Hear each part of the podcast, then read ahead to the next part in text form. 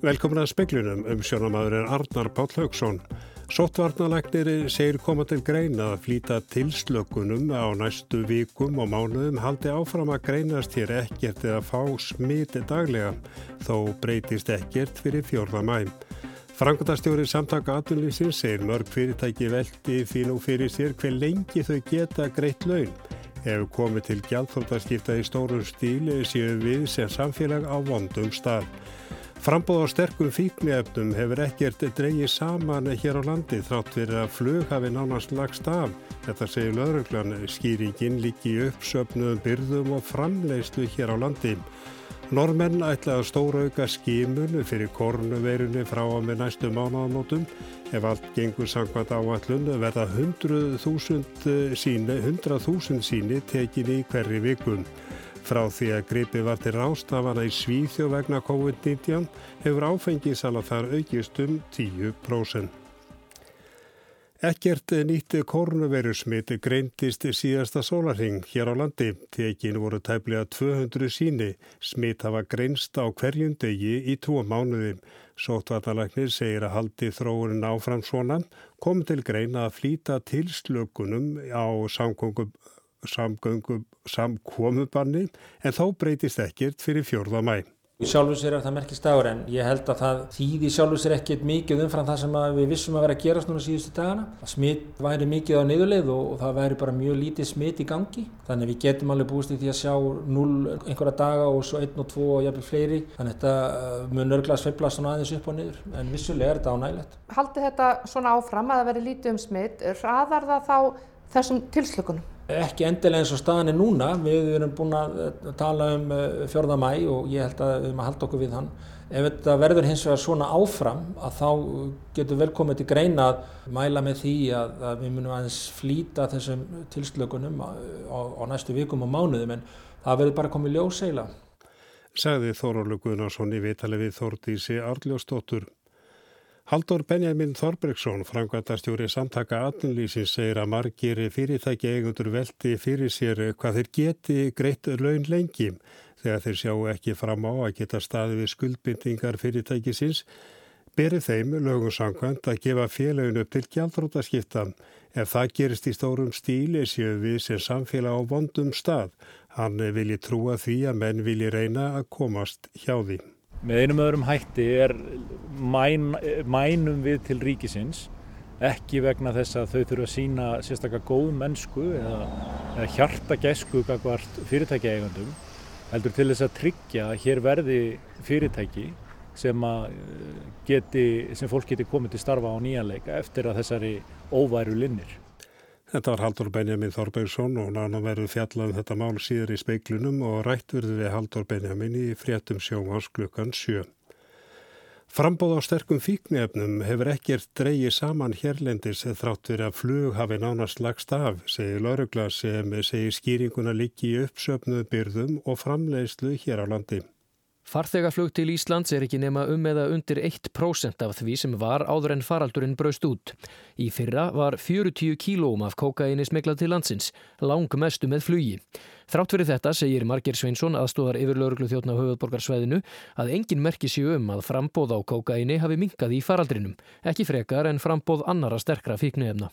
Við erum í sambandi við, við okkar tengiliði og, og samstagsfélag aðila og það eru allir samanlega um það á því að það er ekki skortur á, á þessum efnum. Verðið hafi ekki heldur hækkað sem sé vísbendingu um að frambóðið sé nægt. En hvers vegna ætli þetta sé? Já, það getur skýrst svo sem við varum við kókaina að það er bara nóg til og sé bara nóg til af, af því hérna í, í landinu og svo höfum við verið að taka þessar amfetamin framleystur sem að menn færa sig bara meira í það að framlega hér á landi. Segir margir. Veikustu fíklarnir eru oft háðir livseðilskildum livjum og áhyggjur hafa heyrst af því að þeir eigi nú erfiðara með að koma höndum yfir livin og ofbeldi þeirra á meðal hafi aukist. Marger segist minni yfir sín hafa yfir þann markað en að hann hafi ekki tekið eftir auknu ofbeldi í þeim hópi umfram það sem áður var. Stígur Helgarsson tók saman og rætti við Marger Sveinsson. Framan af heimsfaraldri kornuverunar í februar og massi gekk nokkuð vel að halda honum niðri í Japan og smitin voru talin í hundruðum. Þar er staðan breytt og greindum smitum með fjölgar rætt með tilherandi álægi á heilbriðiskerfið. Staðfest smit í Japan eru komin yfir 12.000 og 328 hafa látist vegna COVID-19. Í höfuborgin í Tókjó hafa 3.500 smit verið greint. Júriko Koike, borgastjóri Tókjó, helt ávarp í morgun og hvatti fólk til að virða samskiptafjarlag næstu tvær vikurnar, þar sem ekkert lát sé á útbreyslu veirunar. Hefðir fyrir því Japan að mánanótin april-mæ sé gullna vikan. Þá fær fólk frí frá vinnu og vinsæltir að ferðast. Í ár verður þá að öllum líkindum breyting þar á. Koike borgastjóri hefur beðið fólkum að sleppa ferðalögum í ár. Því miður þá verður gullna vikan ekki svo gullin í ár, sáðun í ávarpinu í dag. Gjörðir fólks núna hafi úrslita áhrif á það hvena lífið komist aftur í eðlilegar skorður. Dagni Hulda Erlendstóttir sagði frá. Normin ætla stórauka skimun fyrir koronavirinu frá með næstu mánuðamótum gangi allt sangvat áallun verði hundrað þúsund síni tekin í hverju viku frá því í byrjun mæ. Það er þrísvarsinnum fleiri en hinga til hefur verið und að taka til stendur að auka sínatöku þannig að í lokmánarins verði þau orðin 300.000 á vikum. Vísinda og tækni háskólinni Þrántheimi hefur skipulagt rannsókninam í saminu við Ólafs Helga sjúkrásið að sögna norska ríkisútvarsins. Hægt verður þegar fram í sækir að skima fyrir veirinu hjá alltaf 500.000 manns á vikum ef nöysinn krefur. Vorasti til að átæki verði til þess að lífið færist í hefbunda skorður fyrir en ella. Þar sem þeir sem er greinast með koronaviruna verða að sendi ragleiðis í einangrun. Framleiðendur sótreysandi efna hafa sér ástæði til að ítrekka að það er ekki undir neinu kringustæðum að innbyrða slík efni. Tilefnið eru vangaveltur Donald Trumps fórseta bandarækina og upplýsingafundi í kvítahúsinu í gær þar sem fórsetin sæði meðal annars að það veri áhugavert að ráðfæra sig við lækna til að kannakort sótreysandi efni gætu nýst í barátnu við kornuveruna. Talsmaður Ed Kitty Benkíser sem framleiðir hins efnin Lísól og Dettol saði viðtal við BBC að ekki ætt undir neinu kringustöðum að innbyrðaði að dæli í sig vörum sem þau framleiða og í sama streng tók Alma Möller landlæknir, landlæknir á upplýsingafundi Almannavarna í dag. Því miður að þá virðast hugmyndir sem byggja á vittleysu ná eirum fólks og þannig hefur því jáfnveg verið velt upp að intaka sótrensandi efna eins og klórs og ísopropylalkohól sem er frostlögur geti virkað sem meðferð en þetta getur verið stórhættulegt og við verum sérstaklega við slíku og það á auðvitað engin að fylgja óabyrgum og hættulegum ráðleggingum eins og þessum. Saði Alma Möller landlagnir í dag. Áfengisala jóst um 7% í Svíþjóð á fyrsta ársfjörðungi 2020 meðan við sama tími fyrra.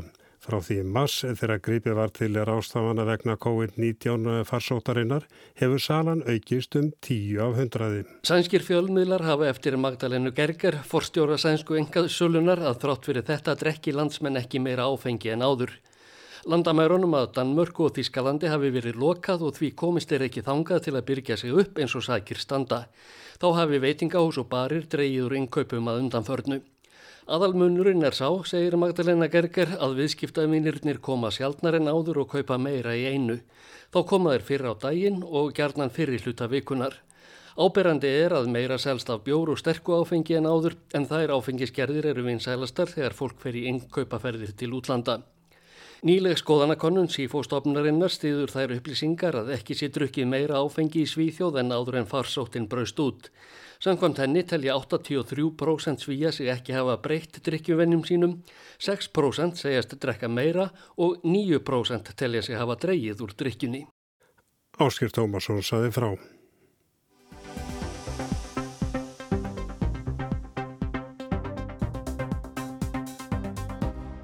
Fjármálar á þeirra vonast til þessa hægt er að upplýsa í næstu viku hvort og hvernig úrraðinum hlutabætur verður háttað eftir að það rennur út. Gildistími þess rennur út í lok mæ. Framkvæmtastjóri í samtaka atunlífsins segir mikilvægt að fá svar fyrir þessi mánáðamót. Ljós sé að viðbrað fyrirtækja ráðist mjög að því hver niðurstaðan verður. Tveir lögmenn telja laga ákvæðu um að hægt sé að taka starfsmenn af launaskrá tímabundi vegna ráefniskort í fiskvinnslum geti nýst ferðarþjónustu fyrirtækjum. Ráefniskorturinn væri þá skortur á ferðamönnum. Þegar hafa fjölmörg fyrirtæki nýtt sér eh, hlutabóta úrræði því 33.000 launamenn þykja launsangvan þým. Það snýst um það að fyrirtæki greiða laun allt nýri 25% eða starfslutfallið fer nýri 25% og launafólk fær það sem ávandar úr atvinnleysi tryggingasjóði. Þeir sem eru núna í 25% starfi er í raun 75% atvinnleysir. Þetta hlutfall reiknast inn í tölur um atvinnleysi. Ágreiningur var um tólkun hlutabóta úræðisins samtök atvinnlýsins töldu að það gæti átt við um uppsagnafrest stafsfólks að þau gætu sér það á uppsagnafrestinum. Niðurstaðan var að ekki væri hægt að tólka lögin á þann hátt. Þórdís Arljósdóttir fréttamaður spurði Bjarnar Bendisson fjármálaráþar í morgun eftir ríkistjónafund hvert framhald ákvæðisins um hlutabætur yrði. Hvað með hlutabóta leiðina? Verður henni framhaldið og verður skilurum breytt til dæmis eins og það megi segja upp fólki sem er á hlutabóta leiðinu? Já, þetta er mjög mikilvægt mál eins og ég hef áður fjallað um að svara því hvað þeir að taka við þegar þetta tímambil hlutabóta leiðarinnar rennur sitt skeið.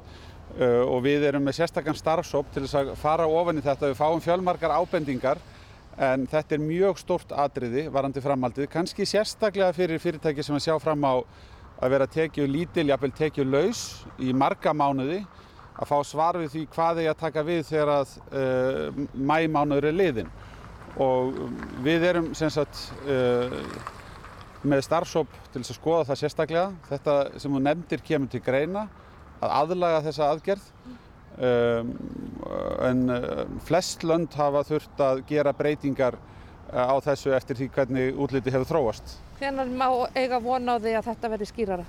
Já, við viljum taka sem allra skemstan tíma í að veita þessu svör.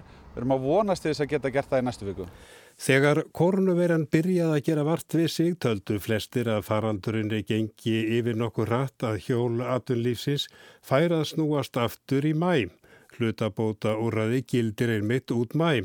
Vandin nú er sá að fyrirtæki sem nýtt af að sér úrraði segja upp starfsfólki þýðir það að þeir starfsmenn fá sinn uppsagnafrest á fullum launum. Algengast er að uppsagnafrestur séu með þrýr mánuðir. Það gefur auga leið að fyrirtækið að mörgver sem eru nánastið alveg tekjulegs ráða illa við það.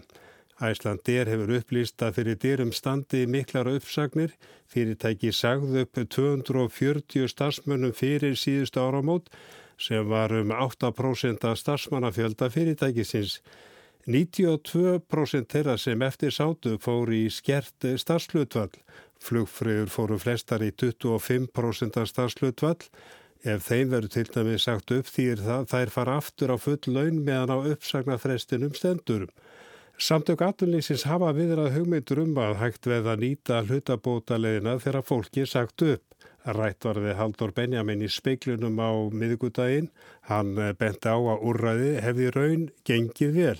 Gallin hins vegar sá að úrræði mun renna sér skeið á enda 31. mæ og núna nálgast mánaðar mót ófluga og afdrifaríkar ákvarðanir geta verið teknar um mánaðamót og öll óvisa um hvort eða með hvaða hætti þessu úrræði verið framleik er hafinn slæma og ég til einsýnt að stjórnvöld munir þeirra tilkynna núna allra næstu dögum hver framvindan eða framtíð þessa úrræði sér þess að það mun marka viðbrað aðtölureikanda því meður um mánaðamótinu.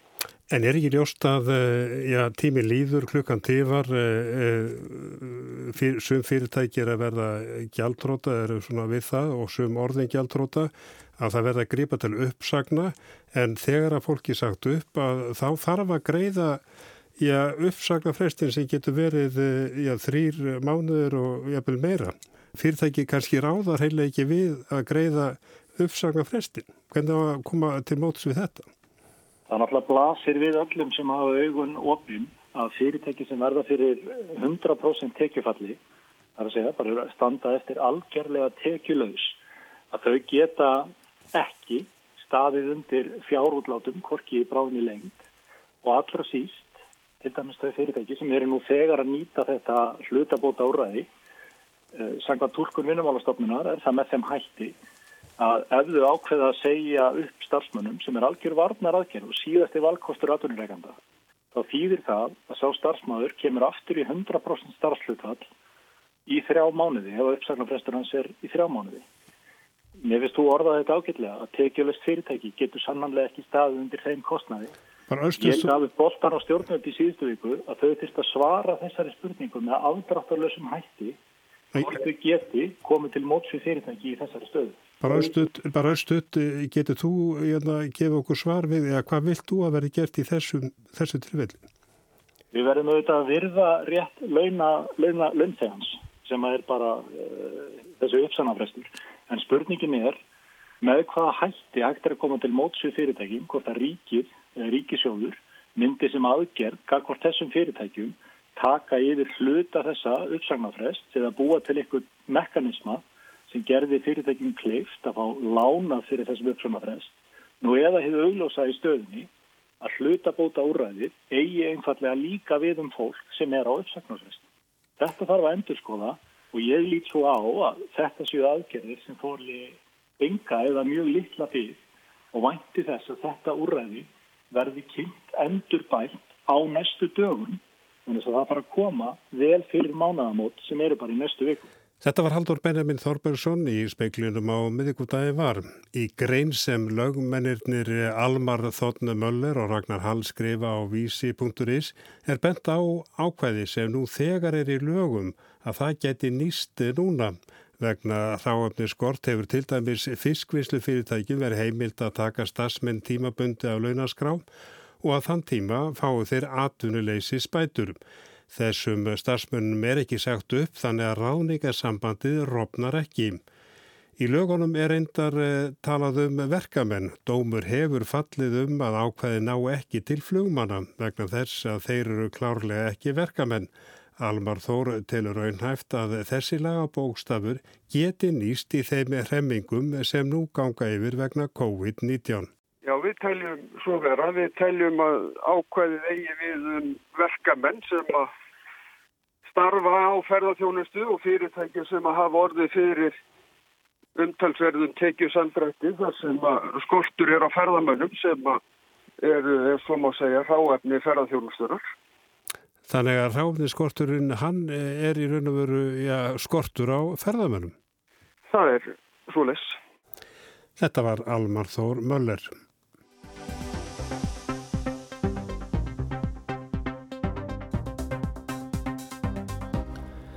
Það er giskað á að um 2,7 miljardar manna búið með einhverjum hætti við samkomu höft vegna COVID-19 farsótarinnar. Ríkistjórni grípa til aðgerða ekki síst til að taka á atunleysi sem eigst hraðar en að nokkru sinni hefur sérst. Lönd eins og Ísland sem eiga mikið undir ferðarþjónustu eru háð framvindunni í öðrum löndum. Einn þekktasta tilvitnun hagfræðinar er líka einn mest miskilda eða ránkarnda tilvitnun greinarinnar. Með orðum sínum um langtíma og skamtíma sjónamið var hagfræðingurinn John Maynard Keynes ekki að hvetja til aðgerða sem komandi kynnslóðir borgi í framtíðinni þegar þeir sem hafi notið ávastana verð ekki lengur ofar moldu og þurfi ekki að borga fyrir þær, öldungis ekki. Eins og Keynes orðaði það, til lengdar er ekki góð leiðbenning um hvernig ég að ráða fram úr vandamálum hér og nú. Til lengdar erum við öll horfin á braud Hagfræðingar velja sér of auðvelt og of gagslöst verk ef einu skilabóðera á stormasum tímum eru að þegar stormin lægi verði sjórin aftur sléttur, skrifaði Keynes 1923. Nokkrum árum áður hafði spænska veikin hergið á heiminn. Það var þó reyndar einhverjum stríðu mikla fyrir heimsturjöldin sem var Keynes ofarlegu huga. Hann var á því að ríkistjórnir ætti að grípa til ráðstafana, ekki bara býða og láta tíman vinna fyrir sig. Þessi orð Keynes heyrðust oft í kjálfar fjármálarhemmingana 2008 þegar deilt varum við bröð ríkistjórna, hvort rétt væri að skuldsetja þjóðir láta koma til kynsluður axla skuldirnar. Núna er spurningin hvernig eigi að hindra að farsót nýjasetji hagkerfið til dæmis að því atvinnuleysi vex af áður óþægtum krafti.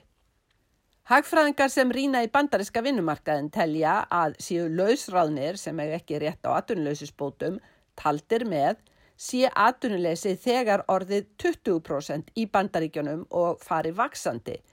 Í Breitlandi vex atvinnuleysi einnig ört, er nú um 4% gæti orðið um 8% í árslokk.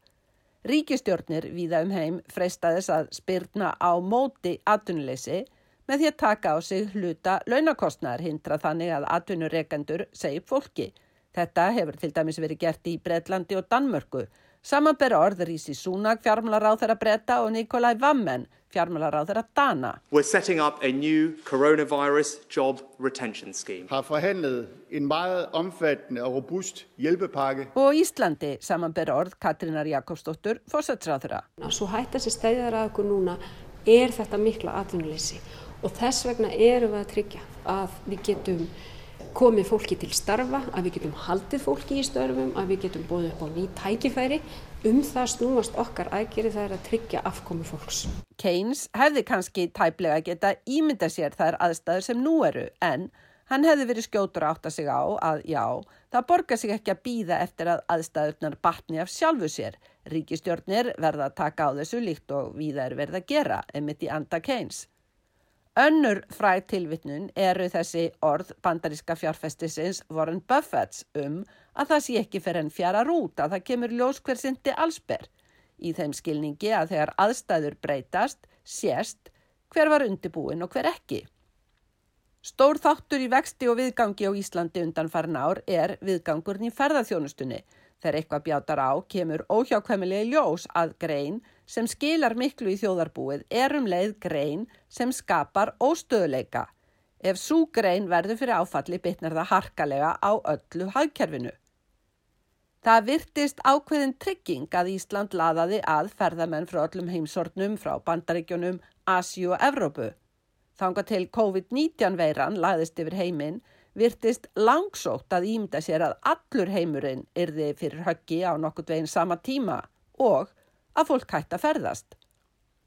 En hvernig verður það í sumar þegar fólk getur kannski afturfarða að bræða sér af bæ? Sebastian Kurz, kanslari Östuríkis, hefur þegar líst yfir að komist hann á annaborði frí, heikist hann taka sitt sumafrí heimaferir í Östuríki. Ich für meinen Teil habe meine Entscheidung schon getroffen. Ich werde meinen Urlaub, sofern ein Urlaub möglich ist, in Österreich verbringen. Það er líklegt að þegar lönd fara almennt að þokast úr farsóttarhamlum verði fleiri leðtógar til að mæla með sumarfrínu innanlands, bæði vegna smittættu, en emitt líka til að íta undir vöxt og viðgang heimaferir. Millilandaferðir munu tæplega ná fyrri hæðum á þessu ári. Það vonandi víðarni Östuríki hægt verða að fara í fría á fjarlægari staði innanlands en bara í bílskúrin eða innanhús.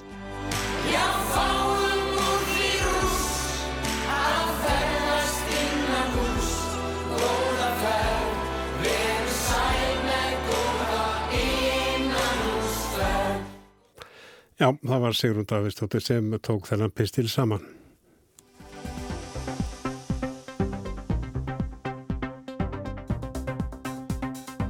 Í innkeslu við gistihús í Norðurmýri í Reykjavík stóð lengi stapli af rúmbotnum og dínum. Snjóföl huldi rúminum tíma, setna stóðu þau gegnblöyti í rigningunni. Á gangstéttinni við Bergþóru götu breyti springdína úr sér, kingsize líklega, Um tíma áttu þessir hlutir ekki ín en hús að venda. Eftir að hert var á samkominnbanni þann 24. mars skellti góði hyrðirinn í lás, ekki af óta við að veiran bærist þar inn með nótuðum húsgögnum, heldur vegna þess að það voru erfitt að virða fjöldatakmarkanir. Sorpa lokaði einnig fyrir móttöku nýtja hluta á endurveislustöðu.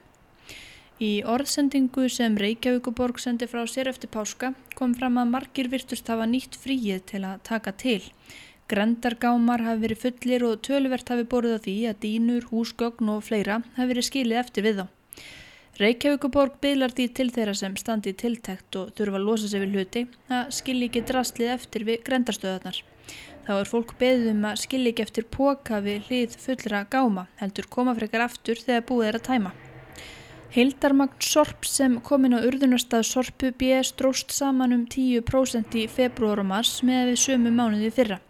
Tæpur helmingur sorpsins kom frá heimilum, þannig var það líki fyrra. Ímislegt bendir til þess að samdrátturinn hafi verið meiri hjá fyrirtækjum. Guðmundur Tryggvi Ólafsson segir að úrgangstölunar fyrir marsmánuð bendi til þess að fólk komi jafn ofta á endurvinnslustöðar og í marsmánuði fyrra en með minna magni í senn. Fólk virðist verið tiltekt eða minni framkvæmdum innandira og svo sé veðrið að skána og meira farða berast af gardaórgangi. Síðan er þetta eitt í þessu líka sko að fólk kannski hefur minna að gera og þá eru bara verið að fara í bíltúr sko. Þannig að bíla þeir eru að fara fullir sko. Það er pappi, mamma, börn og bíl og kvöturinn líka sko. Það eru fjöldatakmarkanir í gildi á endurhustustöðunum og það getur tekið langan tíma að koma stað. Guðmundur segir að þetta vandamál hafi farið að láta sig kræla um og eftir páska, færri hafi farið í bústað og fleiri verið heima að taka til. Eins og til dæmis þannig að þegar mest var, þá var þetta bara törnult langur tími sko, þetta sem slagaði örglega í einhverja 40 mínúti pluss en núna er ekki rauð. Sorpa sóttum undan þáu frá fjöldatakmörkunum. Heilbriðisrað þeirra veitti hana í lok síðustu viku. Í stað 20 áður mega nú vera 30 í einu inn á minnistöðunum en 40 á þeim stærri að meðtöldum starfsmönum. Sorpa hefur líka lengt afgriðslutíma stöðvana til að bregðast við anríki. Guðmundur leggur áherslu á að fólk komi vel undirbúið á stöðvarnar með úrgangin flokkaðan í glærum pókum og hafi hraðar hendur til að flýta fyrir afgriðslu. Þá hvetur hann fólk til að nýta hverja ferð, fara frekar færri ferðin með mikið í einu en þó ekki meira en tvo rúmmetra í senn. Minna hefur skilað sér af góðstrykja umbúðum. Guðmundur segir óljóst á hvað það skrifast. Hugsanlega vilji fólk forðast það að standi byðröðu með umbúðunar en það geti líka verið að þetta tengist fækkun ferðamanna. Rauðikrossin á höfuborgarsvæðinu teku við fatnaði eins og áður í þar til gerða gáma. Á Akureyri hefur aftur á móti verið lokað fyrir móttöku. Þorkjall Ingi Ingimarsson stýrir fataflokkunni. Það eru færri sem koma að flokkunni, samfélagsstjónar og sjálfbúðaliðar taka ekki þátt eins og venjulega. Starfmennir sem eftir eru þurfa því að vinna hraðar. Minni rauðakrossbúðirnar eru lokaðar en opið í kringlunni mjótu á hlemmi og þá er hægt að versla í nýri netverslun. Vegna minni umsvifa í verslununum er flokkuninn nú grófari, megin þorrin af því sem sapnast er sendt úr landi á flokkunarstöði Þýskalandi. Þorkjell segir að starfsemi flokkunarstöðvarinnar þar sé óskert og því yngar takmarkanir á fjölda gáma sem hægt sé að senda út. Sumir markaðir séu þó lokaðir og lokimarkaðir í Afríku getið það leitt til þess að Rauðikrossin þurfa að draga úr útflutningi. Nú er aftur orðið hægt að losa sig við 90 hlut í Reykjavík þeir þurfa ekki að standa út í regningunni. Rúmin og dínutnar í miðborginni er á bak og burst. Örlug þeirra þó óljós. Á mánudag opnaði góði hyrðirinn aftur. Guðmundur segir að það vekki orðin einn sprenging í skilum og húsgóknum og öðrum 90 hlutum. Það taki fólk tíma að taka við sér aftur. Hann býst á við töluvörðum skilum í nýtjagámana næstu daga sérstaklega ef það verður þurft. Viðskiptavinnir góða hyrðisins glöttust yfir opninu mánudag, þar var rauð út úr dyrum. Arnildur Haldunardóttir saði frá og lítum aðeins til veðus þar sem eftir lifi dags og á morgun austlæg áttu við að 3-10 metrar á sekundu og dálu til væta á sunnaverðurlandunum en norrlægari og þyknar upp fyrir norðan. Norðaustan 8-13 og lítir sátara rigning eða slitta fyrir norðan og austan á morgun skúrir síðst en lengst af letskíða suðvestan til hiti 3-12 stiga deginum og hlýjast sunnanheiðan en víða næturfrost inn til landsins. Við sögum meðalans frá því í speiklunum í kvöld að sótvarnalæknir segir koma til greina að flýta til slökunum á næstu vikum og mánuðum haldi áfram að greinast hér ekkert eða fá smitt daglega. Þó breytist ekkert fyrir fjórða mæ. Frangvandastjóri samtaka atunlýsins segir mörg fyrirtæki velti því nú fyrir sér hver lengi þau geta greitt laun. Ef komið til gjaldþrótaskipta í stórum stíli séu sem samfélag á vondum stað. Frambóð á sterkum fíknefnum hefur ekkir dreyið saman hérlendis eða þrátt fyrir að flug hafi nánast að lagst af. Þetta segir lauruglan. Skýringin líki í uppsöfnuðum byrðum og framleiðslu hér á landi. Og normin ætlaði að stóra auka skímun fyrir koronavirnu frá með næstu mánamótum. Ef allt gengur sangvært áallun verða 100.000 síni tekin í viku hverri. En það er ekki fleira í spöggli kvöldsins. Tæknum var Ragnar Gunnarsson, verið sæl og góða helgi.